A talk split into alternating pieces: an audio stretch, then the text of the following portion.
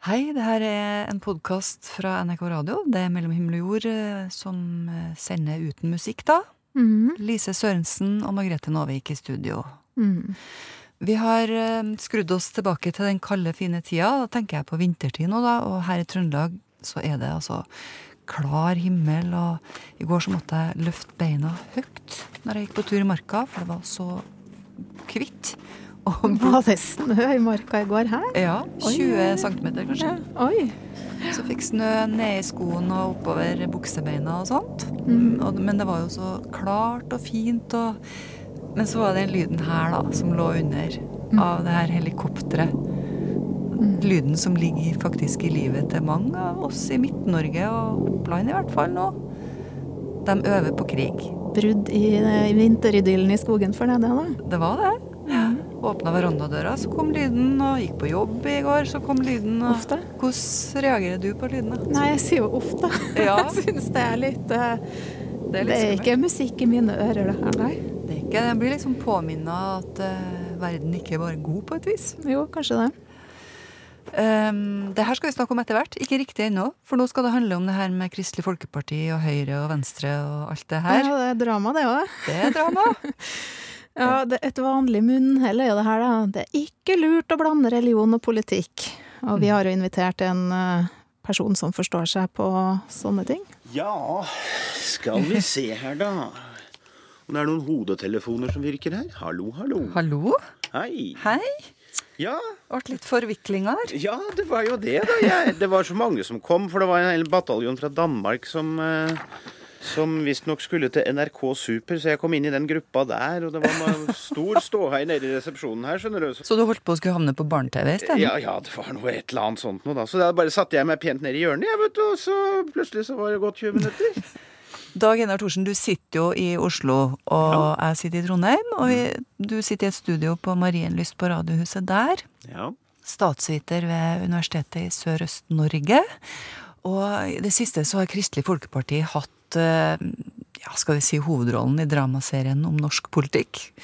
Vi har da henta inn deg for å spørre går det an å drive politikk uten at religion er innblanda. Ja, det korte svaret på det må jo være ja, i hvert fall hvis man definerer religion som gudstro.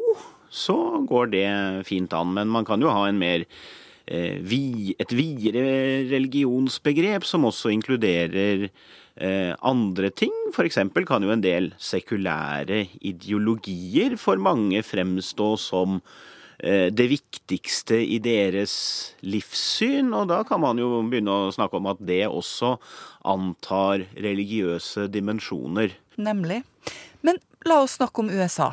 Det var det vi hadde planlagt. Der er det skille mellom eh, kirke og stat. Men religion har jo liksom vært sentralt lell, da. Ja, i hvert fall de siste tiårene.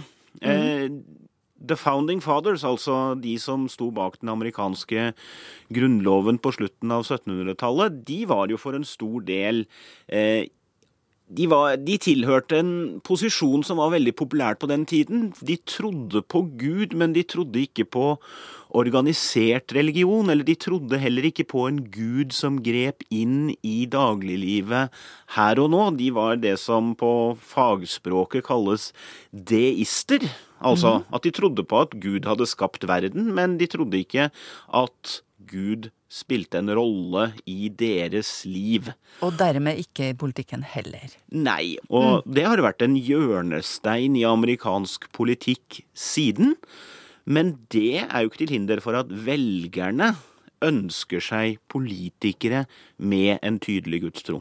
Ja, Så det er det som gjør at det skillet her på en måte har eh, Ja, Man kommer ikke veldig langt i amerikansk politikk hvis ikke man på en eller annet tidspunkt gir uttrykk for en eller annen gudstro. Eh, Det ble jo før presidentvalget i 2008, altså da Obama ble valgt første gang, så ble det jo gjennomført en undersøkelse hvor man så på eh, Ville du stemt på kandidater med den og den karakteristikken? Ville du stemt på en kvinne? Ville du stemt på en farget person? Ville du stemt på en person som hadde vært gift og skilt tre ganger, f.eks.?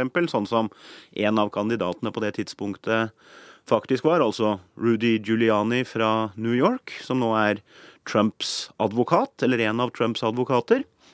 Um, og det man fikk der, var jo at 90 eh, ville kanskje stemt på en kvinne, 85% ville stemt på en farget person, og så gikk man sånn nedover helt til USAs mest hatede minoritet, nemlig ateistene, som bare 12% av amerikanske velgere var villige til å stemme på. Ok, så da må du liksom ha med deg trua, da, når du snakker om politikk i amerikansk eh, ja, virkelighet? Ja, du må være villig til å påkalle Guds navn ganske ofte hvis du skal gå hjem hos en god del amerikanske velgere. Mm. Og så har vi Frankrike på den andre sida av skalaen, og de har jo veldig lik, eh, likt utgangspunkt. Ja, også der har man jo eh, en, eh, en sterk sekulær tradisjon. Riktignok ikke like gammel som eh, den man hadde i eh, Eller den man har, har hatt i USA. Mm. Eh, hvor, eh, hvor f.eks. Eh, på 1800-tallet, i de periodene hvor man hadde kongedømme i Frankrike, eh, og eventuelt også keiserdømme under Napoleon 3., så var kirke og stat tett sammenbundet. og de ulike monarkene eh, ønsket jo en religiøs legitimering av sitt eget styre. Mm. Men etter etableringen av en republikansk styreform etter 1870, mm. så har eh, religion gradvis forsvunnet ut av politikken i Frankrike, og nå er det så eh, sentralt for eh, franske politikeres selvbilde at de skal anse religion som en privatsak, at det ikke skal være til hinder for noen, at de ikke tilhører flertallet på religionens område, f.eks. Eh, og da, eh, da vil det være nærmest tabu for en politiker å snakke om religion, eller snakke snakke om sin egen religiøse identitet. Ja, du, du sier at uh, hvis du gjør det, så setter du deg rett og slett helt på sida i politikken?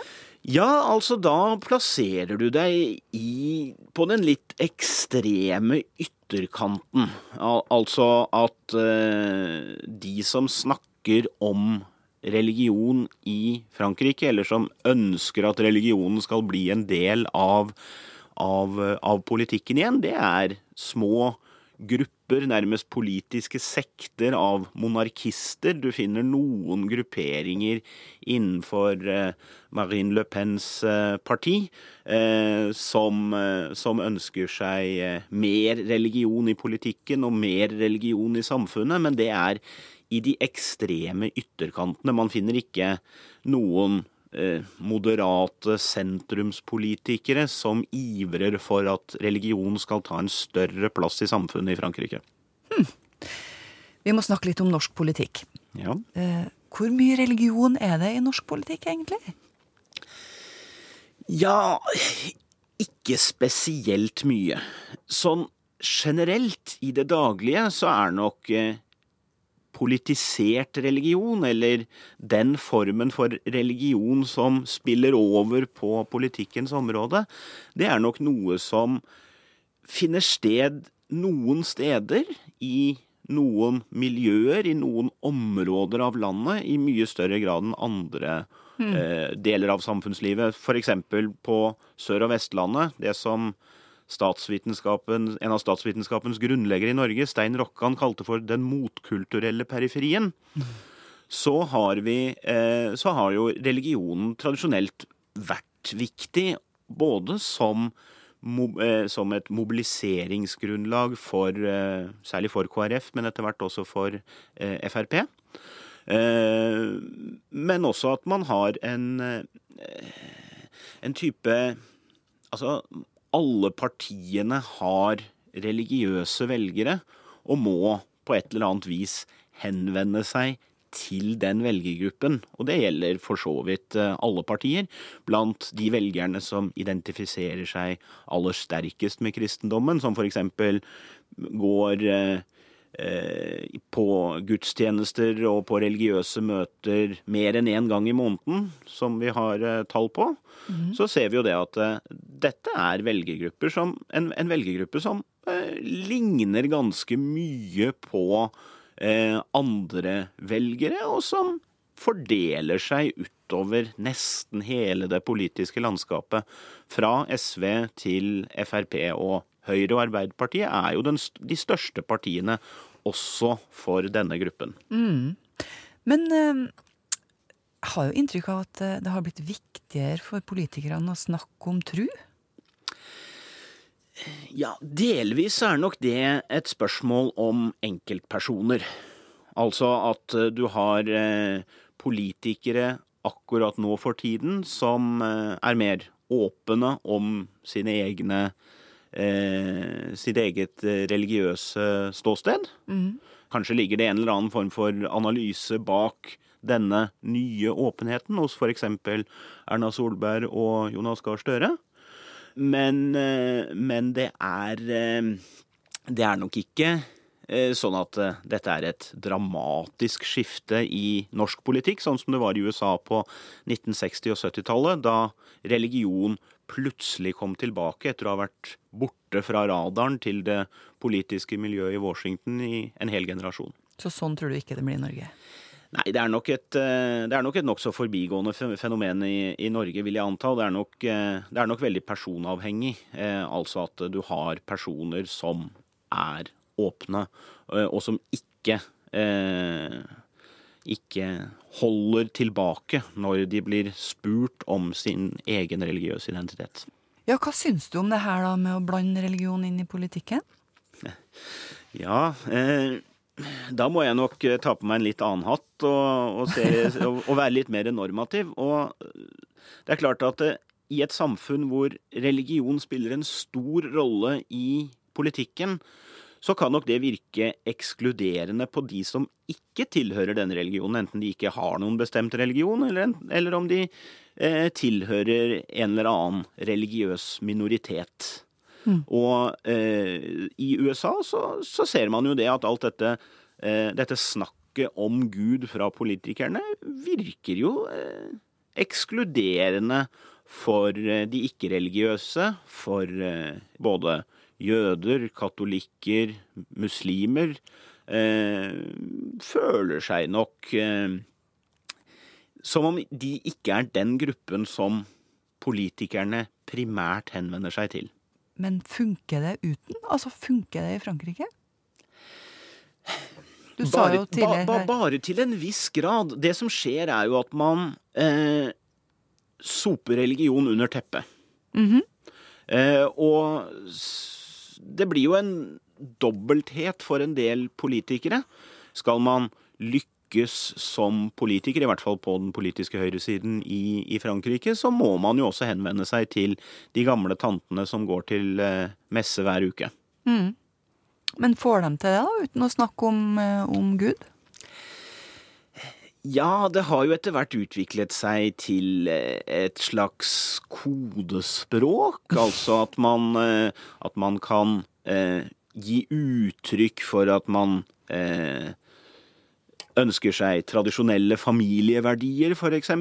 Mm. Eller at man bruker noen av de samme ordene som finnes i politiske tekster som har vært viktige innenfor, uh, innenfor den katolske kirken, f.eks. For, eksempel, for at man, altså, eh, paver de siste 100-150 årene har jo med jevne mellomrom ut, utgitt utgitt rundskriv eller ensyklikaer som forteller i relativt stor detalj hva de mener om hvordan politikken bør være strukturert, hvordan samfunnet og økonomien bør være organisert.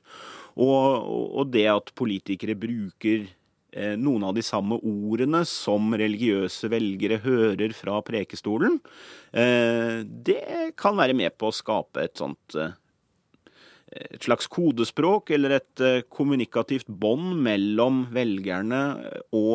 mellom religiøse velgere og noen politikere. Og, og, og det kan være nok, altså, fordi at de fleste Eh, religiøse velgere i Frankrike, de er jo samtidig også tilhengere av at man skal ha en sekulær stat. Mm. Det er ikke så veldig mange av dem som ønsker seg tilbake til den tiden da religion spilte en større rolle i samfunnet, men de ønsker seg politikere som tar deres egen tro på alvor, som tar eh, de politiske konsekvensene av den troen på alvor. Så det du sier da, Gunnar Thorsen, det er egentlig at eh, nei, det går ikke an å drive politikk uten å snakke om religion. Du, hvis du ikke skal gjøre det, så må du gjøre det i koda, på en måte? Ja, i hvert fall i de landene hvor religion tradisjonelt har spilt en rolle. Det er nok annerledes i de skandinaviske landene, hvor eh, man de siste kanskje 50 årene har hatt store deler av befolkningen som egentlig aldri har hatt noen jevnlig eller vedvarende kontakt med organisert religion. Og i sånne eh, svært sekulariserte samfunn som de skandinaviske landene, så er det nok større muligheter for å bli politiker og skape seg en politisk karriere uten å på noe tidspunkt gi sin egen religiøse identitet til kjenne. Eh, Men det er nok et særtilfelle for eh, de landene som eh, ved flere anledninger har blitt kåret til de mest sekulariserte landene i hele verden. Norge, mellom annet. Ja. Mm. Tusen takk for at du kom og orienterte oss om religion i politikken. Dagen her, Thorsen. Takk. Er du forresten redd for krig? Ikke nevneverdig. Ikke akkurat nå. Ikke for Norge. Da er du blant eh, de 71 prosentene i Norge som ikke er redd for krig, da. Ja, vi skal snakke om krig etter hvert, men eh, først noe annet skummelt. Ja, nemlig halloween, som er like om hjørnet. Mm. Jeg tror mange har kledd seg ut nå i helga, mye av ungdommen. Ja, Eh, De, benytta, de hadde fest i helga, så jeg. ja. Jeg vet av noen ungdommer som skal ha fest neste helg. Å ja, så Mm. man kan dra det utover flere helger. Kan- men så fint, da. Men spørsmålet er jo hva det er man gjør det for. Um, og det viser jo seg når du har snakka med folk at det kan være flere teorier om det. Ja, hvorfor man kler seg ut. Ja, ja, ja. Mhm. Kan man for eksempel bli seg selv? Ja. Gjennom eh, maske og kostymer. Det mener de her toene. Kristin Sundt og Rebekka Rakbjørg. Vi kan kle meg ut som noe, noe jeg egentlig ikke er. Hvis når man er i et kostyme, så kan man være mer energifull. da. Så man kan være f.eks. ganske sky i virkeligheten. Når man kommer inn i et kostyme, så er det sånn ingen som kjenner deg igjen. da. Ja, Som kan endre personlighet litt, liksom. Mm. Der vil jeg bryte inn litt. ja. Fordi jeg mener at når du kler deg ut, så tør du å være deg sjøl. For da, da Du har ikke noen hemninger. Du, du trenger ikke å være sjenert eller noen ting, for du er utkledd og det er en annen person. Da tør du å være deg sjøl. Rett og slett. Å Det mener jeg. Ja. Ja. Fortell litt mer. eh, hvordan Men, men er ikke det å være sjenert en del av deg sjøl? Jo, det er en del av deg sjøl, men så er det mange som har lyst til å komme ut med mer, men så tør de ikke. Får de på seg sminke, maske, kostyme, så tør de. Så det at du tør mer når du har kledd deg ut. For at da blir du litt annerledes. Så mm, derfor så syns jeg mange, eller flere, skal ha kledd seg ut enn det som skjer i dag. Interessant og gjenkjennelig, kanskje. Og på onsdagen, da, så er det halloween. Mm. Dagen for gresskar, godteri og for å kle seg ut som noe ja, rett og slett skummelt. Ja, Opprinnelsen er jo egentlig keltisk. Det er en overgangsfest mellom sommer og vinter. Og du har fortalt meg at eh, på en måte grensene mellom den døde verdenen og levende verdenen viskes ut. Ja, det er visst det som er greia med at man kler seg ut. At man kan eh, infiltrere de døde som da kommer inn i vår verden. Altså gjennom kostymene, på en måte, så kan man late som man er litt død. Tror du at døden blir litt mindre skummel? da? Er det liksom på en måte å trene seg på døden, eller? Hva tenker du? Kanskje det var utgangspunktet, det vet jeg ikke helt om. Men jeg tror kanskje at uh, ikke folk tenker så mye på det nå.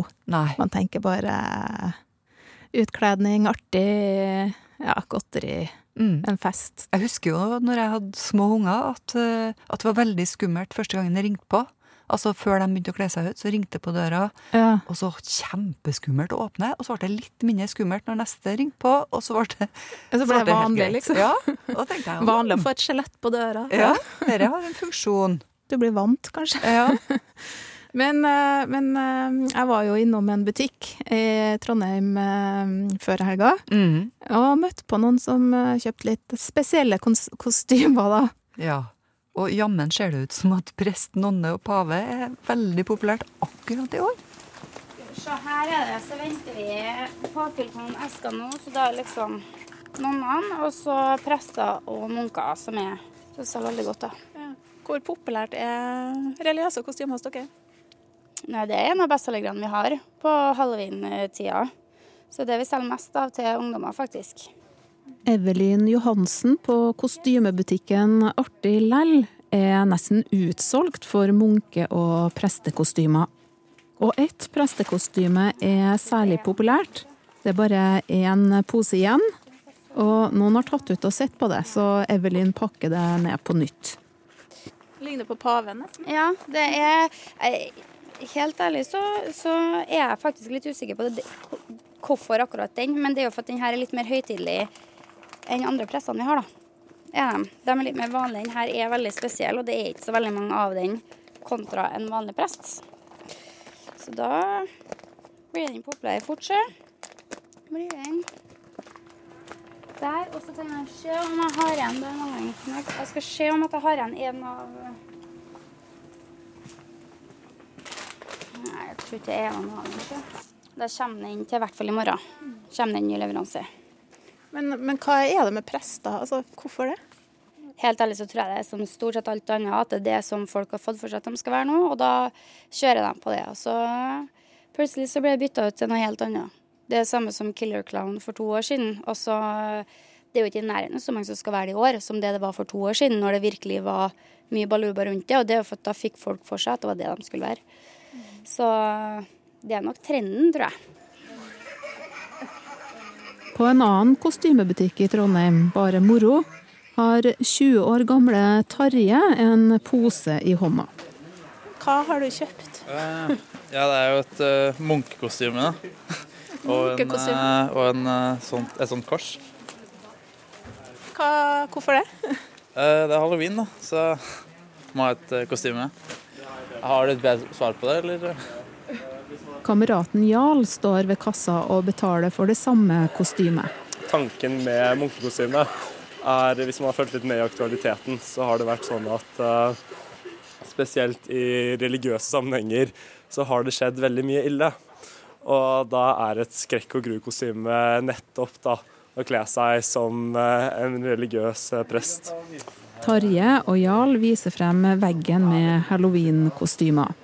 Så de hadde jo satt det opp slik at prestene ligger med halloweenavdelingen, så da ble det ganske naturlig egentlig å falle på den. I og med at alt det andre er veldig oppbrukt, da. Hvis du ser sånn vampyrer og spøkelser og sånt. Det er, eh, det er noe alle går som nå til dags. Men det er ikke bare Tarje og Jarl som velger religiøse kostymer til halloween i år, sier Kristin Sundt, som jobber i butikken. Noen vil være litt skummel, noen syns bare det er artig. Ehm, men så er det jo Det har jo òg vært litt av det der med prester og korgutter. Ehm, for noen år tilbake så var det veldig populært. Og da var det noen som faktisk kledde seg ut som prester, og andre som små gutter. Fordi at da var det veldig mye i pressa om det. Så det har litt å si om hva som er på nyhetene. Hva de leser der. Så går de ut ifra det, og så bygger de på det. Hvordan tror du det blir å ha det på? Uh, gøy det er jo bare god stemning. Uh, altså, jeg er jo egentlig kristen selv, så det er jo uh, litt sånn dobbeltmoral her, holdt jeg på å si. Det er jo uh, egentlig bare for å være humoristisk. Men jeg tenker at ja, det, det, var et kostyme som vi så som virket litt artig. Så var det var ikke så veldig gjennomtenkt, egentlig. Ja, og Vi sjekka med Alf Inge Mull i Partygrossisten, som driver med import av kostymer. Hei. Hei! Er det flere butikker som er tom for um, nonnekostymer og prester og sånt? Ja, det, det kan jeg bekrefte. Det, det, er flere av våre butikker som melder at de er um, utsolgt for uh, disse kostymene. Og lurer på hvordan vi kan skaffe mer nå rett oppunder halloween. Hva er det som gjør disse kostymene skumle, da? Nei, det er eh, kombinasjonen med sminke, at eh, kostymene gjerne kommer med eh, ja, hva skal jeg si, om gjenferddetaljer, eller at de kommer med blod på munkekuttene og nonnedraktene. Du tror ikke det har noe med de skandalene i den katolske kirka å gjøre, f.eks.? Det, det tror jeg kanskje er å dra det langt. Det er nok mer en motetrendsak. Ja, denne lyden er fra skrekkfilmen The Nun. Og vet du hvorfor jeg henta den lyden akkurat nå, Lise? Jeg kan tenke meg at uh, det snakka hun dama i butikken om, da. At hun oh. skjønte hvorfor at mange ville kle seg ut som nonne akkurat i år. Og gjorde det? Det var på grunn av denne filmen. Nemlig. Ja. Mm. For den filmen her har gått i en måned nå. Den ble satt på i begynnelsen av september og handler altså om en nonne og, og om den katolske kirka sin kamp mot demoner, da. Oi. Ja, Eh, Det kan jo være at eh, folk har blitt inspirert av det, ja. det kan være. Ja. Og så er det jo mye skummelt som har skjedd i den katolske kirka utenom filmen òg, da, egentlig. Ja, og Ja. det er jo en helt annen historie. Ja. Det kan vi snakke mye om, sikkert. Og Ja. nå sport. Ja. Oi, ja. Det var en fin overgang. Ja, for hvorfor gjør det så vondt når favorittlaget taper en viktig kamp? Det gjør jo det. Nei, i går tapte jo Brann mot Rosenborg i Bergen. De gjorde det, gitt. Og supporterne eh, visste jo da, da kampen begynte, at det var sannsynlig at det laget som vant kampen, Og så vinner Eliteserien 2018. Så det ble ekstra spennende, det her. Og tilbake så står jo dem som har tapt, og taperne er ikke bare spillerne på banen. Nei, for supporterne så kan det visst gjøre like vondt som for dem på banen. da. Mhm. Kjetil Dalseide og Team Rudi, Brann-fans som bor i Trondheim, håpa så klart at laget deres vant i går da Camilla snakka med dem i forrige uke, og de sa at ja, hvis Brann taper, så blir det altså krøll på følelsene til de to bergenserne. fotball, er, fotball er identitet. Altså, vi er, vi er Brann. Vi er Bergen, og det er Vi både vinner og taper med laget. Det er rett og slett bare sånn det er. Og når eh, laget går med hengehodet på banen, så gjør vi det òg. Ja, for føler de at de er faktisk på banen, de òg? Altså, vi er jo Norges ekte tolvtemann. Supporterne? Mm. For hva da skjer hvis eksempel Brann skulle tape? De snakker om at det er identiteten deres som får en knekk. Identiteten vår, altså, det, er jo, det er jo den vi er. Det er jo ting vi står for. Det er, det er hvem vi ønsker å være. Det er måten vi, vi Vi er bergensere. Og spesielt vi som er bergensere i Trondheim. Vi er fremoverlente. Vi lager litt lyd. Og, og når vi da går med, med senket hode, så er det jo klart at det Det gjør jo noe med oss. Ja. Hvordan påvirker det livet deres etterpå, hvis det skulle bli et tap? Nei, Man går vel ikke med, kan, med hodet hevet eh, så mye som man alltid gjør, da. Kanskje litt mer tilbakelent uh, utad. Hvorfor tror de at, eh, at fotball har så masse å si for identiteten? Altså, Hvorfor er det så viktig? Altså, Det er jo ikke de som er på banen, men det er kjempeviktig likevel. For at de skal ha, ha det fint med dere sjøl og andre. Nei, det er, det er mye fordi at vi har eh, Vi er ekte bergensere. Og ekte bergenser, det er Brann-fan. Da har du hjertet i Brann. Så enkelt er det. det handler jo både om oppdragelse og eh, det vi har fått opp igjennom eh, i, Nesten inn i morsmelken å gå på stadion og sitte i trappene ved siden av i gamle dager når det var lov. Når du fikk lov til å bli med på stadion og fikk, fikk din første trøye. Jeg tror jeg var fem år gammel da jeg satt i trappen og ble med mor og far som hadde parturkort. Og, og fra det å samholde, det å gå til kamp følelsen av å kjenne når ballen går i mål, altså den ekstasen det er når du klemmer mannen som du aldri har møtt før, som står bak deg. Ja, fotball og identitet henger altså nøye sammen for de eh, toene her. Men hvorfor er det egentlig sånn at mange fotballfans føler et personlig nederlag når eh, laget dem er så glad i ikke skårer nok mål? Mulig vi får svar nå, fordi han Arve Gjelseth han er forsker, og han har skrevet doktorgrad om akkurat fotballsupportere. Folk knytter på en måte veldig mye av sin identitet til disse klubbene. Det er derfor man ofte hører fotballsupportere si at vi vant, eller vi spilte en dårlig kamp i dag og sånn. Du vil aldri høre en Madonna-fan som har vært på konsert og sier at vi spilte en god konsert i dag. ikke sant? Det er et, det er et avstandsforhold mellom, mellom popikonet Madonna og de som beundrer ikonet. For, for fotballsupporteres del så er det eh, litt annerledes fordi de selv betrakter seg som en del av klubben. Og, og det betyr også at når klubben gjør det godt eller gjør det dårlig, så skapes også en veldig stolthetsfølelse eller en pinlighetsfølelse på vegne av deg selv. Og derfor så kryr det av folk som er fotballentusiaster, men som ikke orker sosiale medier, eller kanskje ikke engang å snakke med folk på jobben på mandagen etter et tap, fordi de, de har mistet ansikt selv også.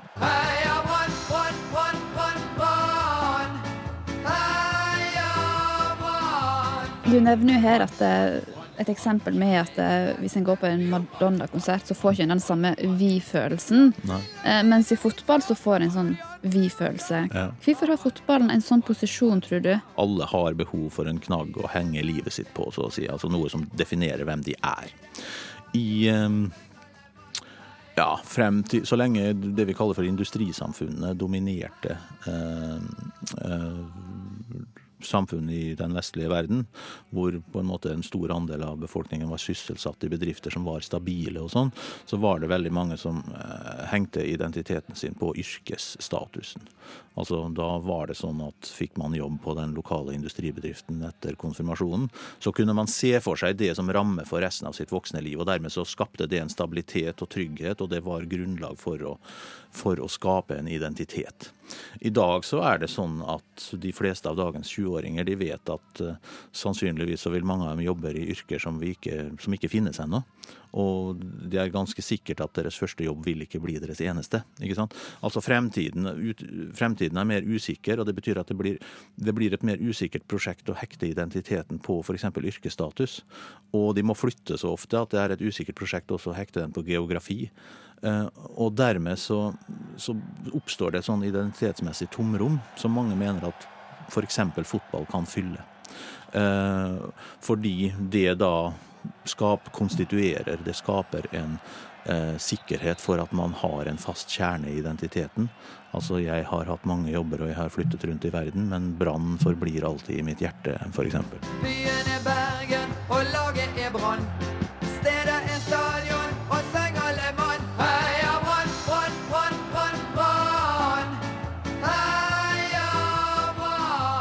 sier alt dette om oss som mennesker? Altså det at vi søker identitet i fotballen, f.eks. Ja, vi, søker, vi, vi har behov for en eller annen fast identitet. ikke sant? Og I tillegg så søker vi fellesskap. Altså å finne noen som du har noe til felles med, som du kan gjennomføre regelmessige rituelle praksiser og handlinger sammen med. Eh, Der ligger også fotballen veldig godt til rette. ikke sant? For du, du, du stues av og til sammen med folk du ikke kjenner på en tribune, ikke sant? men du vet at de andre er der sannsynligvis med samme hensikt som deg selv, og du har noe felles. Du kan faktisk snakke med sidemannen eller sidekvinnen fordi hun eller han har faktisk også møtt opp for å se denne kampen, og vel, da er det kampen som er referanserammen for det som skjer. Og så skapes det dermed ritualer som, som tilskuerne i større eller mindre grad kjenner til. Altså Det er jo mange som sammenligner det å ha tilhørighet i fotball med f.eks. Det er en form for kvasireligion. ikke sant? Det er Stadion er kirka, og kampsangen før Eller klubbhymnen som spilles før kamp, har klare fellestrekk med kirkelige, kirkelig musikk. Det er, det er, gjenkjennelig, man vet hva som skal foregå.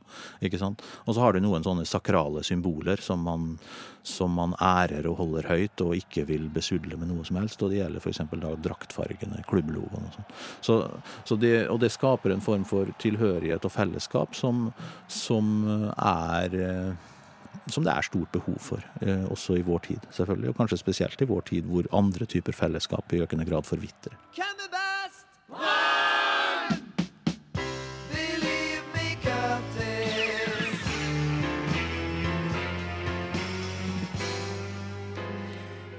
Vi hørte førsteamanuensis i idrettssosiologi ved NTNU, Arve Gjelseth, som også har forska på fotballsupportere. Artig, artig det, da. Ja, det må jo ha vært Han har sikkert vært mye på tribunen. Ja. Mm. Håper han er glad i fotball. Ja. Um, det var det her med krig, da. Er du redd for krig? er spørsmålet nå. Mm. Altså, Den lyden har på en måte forfulgt meg hele helga. Eh, lyden av sånn helikopter og krigsmaskiner. Ja, jeg var bortreist i helga, så derfor er jeg litt sånn Hæ? Du, du var i Sverige, du? Ja, jeg var i Sverige. de er jo ikke med i Nato, så det var Nei, der var det riktig så fredelig.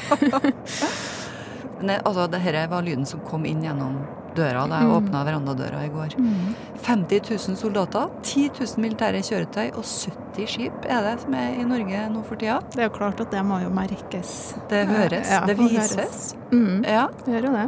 Jeg, jeg kjørte jo på E6 forrige helg, og da var det kjørte jeg forbi sånne svære kolonner med sånn tanks og mørkegrønne kjøretøy og sånne ruter som du ikke ser gjennom Ja. Så ser ikke dem som sitter der heller. Nei, da føler man seg litt små i bilene sine, i stasjonsvognene uten utlandet. Så durer det liksom i bilen når du kjører forbi. Ja, rister litt, liksom. Ja. Ekkelt. Og som ikke Det var nok. Nylig så kom det en liste fra myndighetene over ting vi bør ha i huset for å overleve i tilfelle katastrofe. Ja, du, det leste jeg. Det er sånn ni liter vann og to pakker knekkebrød per person og sånn. Ja, har du? Eh, nei, men jeg sa til mannen min da han skulle ut på butikken, kanskje du skal kjøpe litt vann? Og han bare hæ? Kjøp vann? Har dere ikke springen? Ja, vi kan fylle på flasker, ja. Ja. Ja, Jeg ja, tok og begynn å bar ned spare. to sånne femlitringer nede i kjelleren uh, her. Gjorde du det? Ja, jeg gjorde det. Ja. Mm. Men uh, det vi lurte på, da, det er jo om folk blir påvirka sånn som du og jeg blir. Mm. Så du var ute på gata og spurte er du redd for krig. Jeg så jo på vei hjem masse soldater som sprang løpende i gata med våpen, og jeg var bare litt sånn skremmende sånn wow, det her er sånn det kunne vært, ikke sant. Men uh, det var litt fascinerende å se den framstillingen som jeg ikke har tenkt på tidligere. Men hva gjør det med deg å se det? Bortsett fra at du blir fascinert. Ja, altså, jeg tenker nok kanskje over muligheten som jeg ikke har tenkt på tidligere, men jeg er ikke noe bekymra for det. Du tror ikke du vil oppleve krig i ditt uh, liv? Ikke i Norge, da. Men det, tror du du vil oppleve krig i løpet av den tida du lever? Mm, nei, jeg tror egentlig ikke det heller. Men det er litt sånn gøy å tenke på sånn som Mika sa, at vi har sånne soldater og sånn, ja. Fordi eh, for eksempel, det er jo mange av vennene våre som er i førstegangstjeneste i år. Og jeg tenker jo på mm, det som bare et år hvor man er mye ute og sover i telt og sånn, liksom. Um, så, men det, man, det det egentlig er for, er jo forberede Norge hvis vi skulle bli angrepet og sånn, da. Men det er på en måte For meg er det nesten litt fjernt, da. At det er det det egentlig er som er hensikten. Nei, krig er ikke redd for, mer redd for terror. Det bekymrer meg mer når jeg er ute og reiser og sånne ting. Enn du? Nei, jeg er ikke redd for krig i Norge. Jeg syns det er bare tull. Og hvis det skal bli krig, så har vi jo ikke noe sjanse vel. Russerne tramper oss i hjel, på en måte. Så hjelper liksom ikke noe sånn. Og vi har jo et veldig godt forhold til Russland. Så jeg ser liksom ikke noen at det svenskene skal komme og krige med oss. Det jeg ser ikke den, liksom. Vi forsvarer oss i hvert fall hvis svenskene kommer. Det er viktig. Det, det er ikke noe tegn i tida til at det skal bli noe ufred i det landet her. Ikke i Norden, ikke i Europa. Men det er nå russerne, da. Ja, I mangel av noen andre så kan vi være redd for dem, men eh, det er bare for dem som trenger noe å være redd. Det er bare for dem som trenger å være redd for det. Ja. ja. Så du tror at det er mange som trenger det? Ikke de trenger det, men de, det ligger eh, i oss alle sammen at vi har noe vi engster oss for. Selvfølgelig. Eh, redd for krig. Det er jo noe man tenker på at eh, kan skje. Men eh, jeg tror vi har et veldig bra altså Det blir spennende å følge med nå på hva som skjer på denne store øvelsen. Det engasjerer meg veldig. Å ja, hvorfor det? Jeg er bare veldig fascinert over hvordan ting fungerer og alle ressurser som blir brukt på det her. da. Men hva gjør det med krigsfrykten din? Eh, at jeg føler meg tryggere. Men eh, er du mer redd for krig nå enn før? Eh, I forhold til hvordan bildet står seg i forhold til Russland, USA, stormaktene. Eh, kanskje litt. Men eh, det er jo dessverre sånn man ikke kanskje går og tenker på i det daglige livet, da. Men er ikke det litt bra, da? Det hadde vært litt slitsomt å gå rundt og være redd for krig hele tida, eller? Det er slitsomt, men jeg tror det er en viktig tanke å ha. Fordi Hei, fordi at man er obs på det. At det er en reell faktor som faktisk eh, kan være en mulighet. da. Men er du sånn i beredskap hjem? Har du handla alt som står på lista og sånn? Ja, det står eh, en eh, stor boks med hermetikk i garasjen. Nei, det gjør ikke. Det gjør det ikke. Nei, det gjør det ikke. Enn du? Nei, så langt har jeg faktisk ikke tatt den, altså. Jeg har ikke det. Nei. Litt, eh, litt fakta om eh, hva folk er redd for. Mm. Direktoratet for samfunnssikkerhet og beredskap la nemlig fram en undersøkelse i februar i år. Mm. Da hadde de spurt nordmenn hva vi er redd for, og 71% av oss er overhodet ikke bekymra for krig på norsk jord. 17% er litt bekymra. 11 er svært bekymra for krig. Jeg vet ikke helt hvor, hvilken kategori vi faller inn i her, da. Kanskje litt bekymra akkurat nå. Det kan jo være at tallene har vært annerledes hvis undersøkelsen har vært gjort nå, da. Når den øvelsen er, Ja, det kan være. Det kan være. Vet du forresten hvor eh, du skal gå hen hvis det blir krise? Lise? Krise, Nei. Lise? altså hvilket tilfluktsrom som er nærmest deg? Jeg tror det er sånne gamle bunkere i området vi, altså etter tyskerne, i det området jeg bor. Så kanskje jeg må lokalisere en av dem. Altså, Mm. det går, du kan gå inn på offentligetilfluktsrom.no. Der finner du det. Altså, hvis, vi, hvis det skjer nå, da. Nå er jo vi på Tyholt i Trondheim. Vi har en bunker nede i kjelleren her, sikkert. Ja. Det står, altså På det kartet så står det at vi skal springe ned til Nedre Møllenberg, ba- eh, Nedre Møllenberg gate 49C. Hvis Ja. katastrofen eh, inntreffer. Oi, jeg kan se for meg panikk. Folk springende da. Ja. Men du, nå må ikke vi nøre opp under Nei. eh, krigsfrykten til folk, altså. Det Det er bare en øvelse. Ja, det er bare en øvelse. Um, skal vi snakke om kirka, da? Ja. For Sylvi Listhaug sier i den nye boka si at Den norske kirke den råtner på rot. Mm. Og hun sparker i kirkeveggen og mener at eh, den gir etter.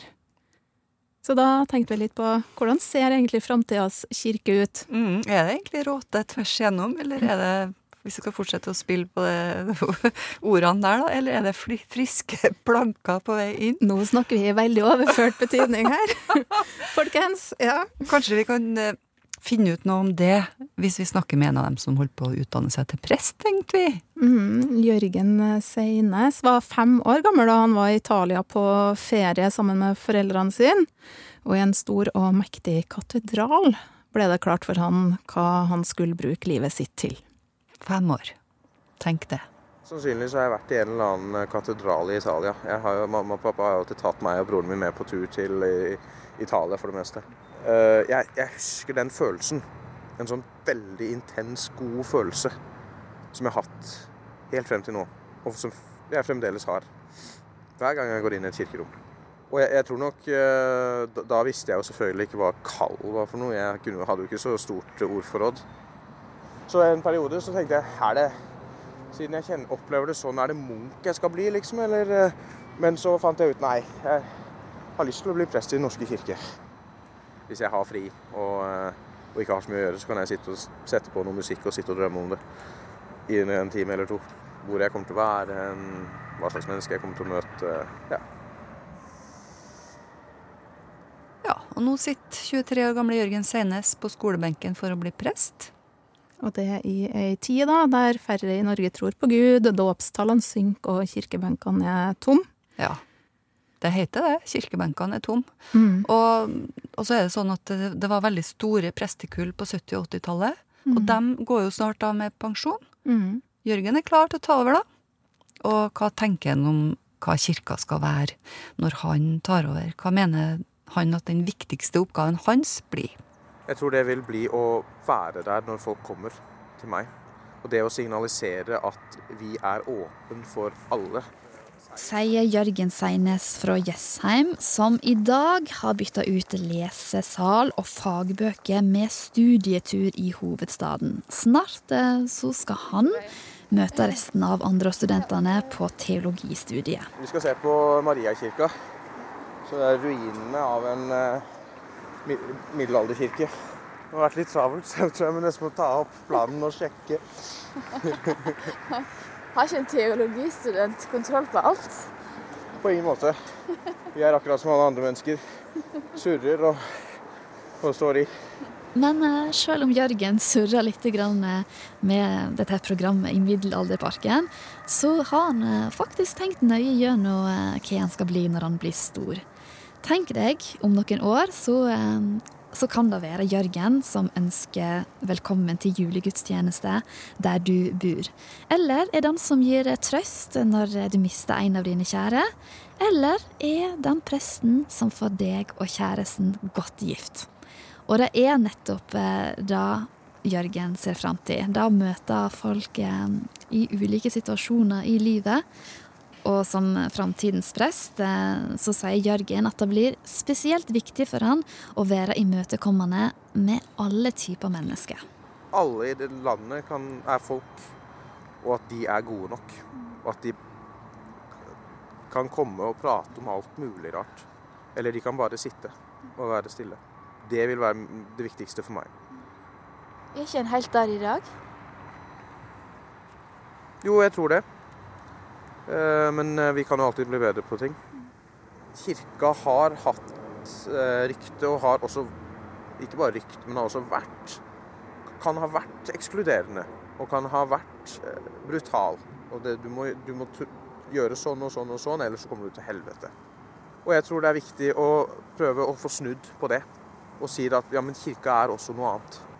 Altså Jeg tror på at vi er skapt inn i Guds bilde, og, og Guds kjærlighet for mennesket er så usannsynlig stor. Det spiller ingen rolle hvem du er, hva du har gjort. Heldigvis er det ikke jeg som skal Jeg er i ingen posisjon til å dømme andre mennesker for den de er og hva de har gjort. Dette er jo en klassisk korskirke, da. Så når vi går fremover her sånn, det går, der blir det kors der borte, helt framme der. Samtidig som eh, Jørgen ser fram til å bli prest, eh, så vet han òg at det kan bli krevende. Og grunnen til det er, er at i Norge så er det færre enn før som tror på Gud. Dåpstaler de synker, og det står jo mange kirkebenker ledige under søndagsgudstjenestene. Jeg syns jo det er trist. Eh, men samtidig Da må vi jobbe for å tiltrekke oss flere folk. Vi kan ikke bare stå og se på at det er trist, men da må vi faktisk gjøre noe aktivt. Ja, hva har du tenkt til eh, å gjøre for å få folk tilbake igjen eh, i kyrkja?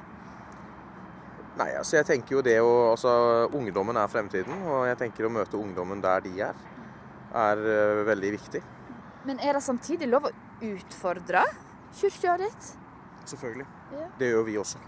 Og jeg tror eh, bare de, si- det siste vedtaket om at vi nå også har lov til å vie homofile og lesbiske, eller sam, eh, samkjønna ekteskap, det er, eh, det er et eh, svar på at vi faktisk har utfordra kirka og vi har kommet videre med det. Så ja, det er definitivt lov å stille spørsmål. Men så er det noen som ikke mener det samme. Hva, hva sier du til dem, da? Jeg syns jo det er trist. Um, men samtidig så må jo folk få lov til å ha sine meninger. Eh, selv om jeg er sterkt uenig. Vi, må egentlig gå til evangeliene. Hva er det som står der? Og, og hva, hva slags mennesker er det som får lov til å være hos Jesus? Det er folk som står utenfor. Eh, og, og det tenker jeg er viktig å huske på. For hvis vi, hvis vi skal prøve å etterligne han, hvis det er et mål, så bryter vi jo med det hvis vi stenger folk ute fra det fellesskapet. Har du trua på kyrkja i framtiden? Ja, fordi jeg tror kirka kommer til å stå uansett. Med sånne som deg? Med sånne som meg. Og alle andre. Ja, det sier 23 år gamle Jørgen Seines der han går blant ruinene av eh, Mariakirka i Middelalderparken i gamlebyen i Oslo. Og der gikk han sammen med Camilla Kjønn Tingvoll. Om fem år så er han da nyutdanna prest. Det var det vi hadde i dag, Lise. Neste uke så kommer det til å handle litt mer om dette her, kanskje. Hva ungdom tenker om framtida si. Mhm. Ja, Og, eh, og, og det er jo ofte sånn at vi kommer på ting som vi vil snakke om pga. ting vi opplever sjøl. Og så var det liksom du som fikk et spørsmål da, fra din eldste datter. Av en eller annen grunn, jeg tror det var hun som begynte å snakke om framtida da.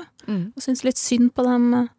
Synd på folk, fordi at i framtida så ville det jo bare være roboter og svarte hus. Og masse plast. For et trist bilde. Det er sånn, hæ, tror du det? Ja. Ja, så dette må vi finne ut litt mer om. Vi skal gjøre det. Det her var dagens podkast fra Mellom himmel og jord. Det er bare å gi lyd hvis du har noe på hjertet. Vi hører gjerne fra deg. Ja, skal vi si hva vi heter? Lise Sørensen heter du. Margrethe Nåvik heter jeg. Himmel og jord, krøllalfa, nrk.no er adressen hit. Ha det, ha det. Ha det.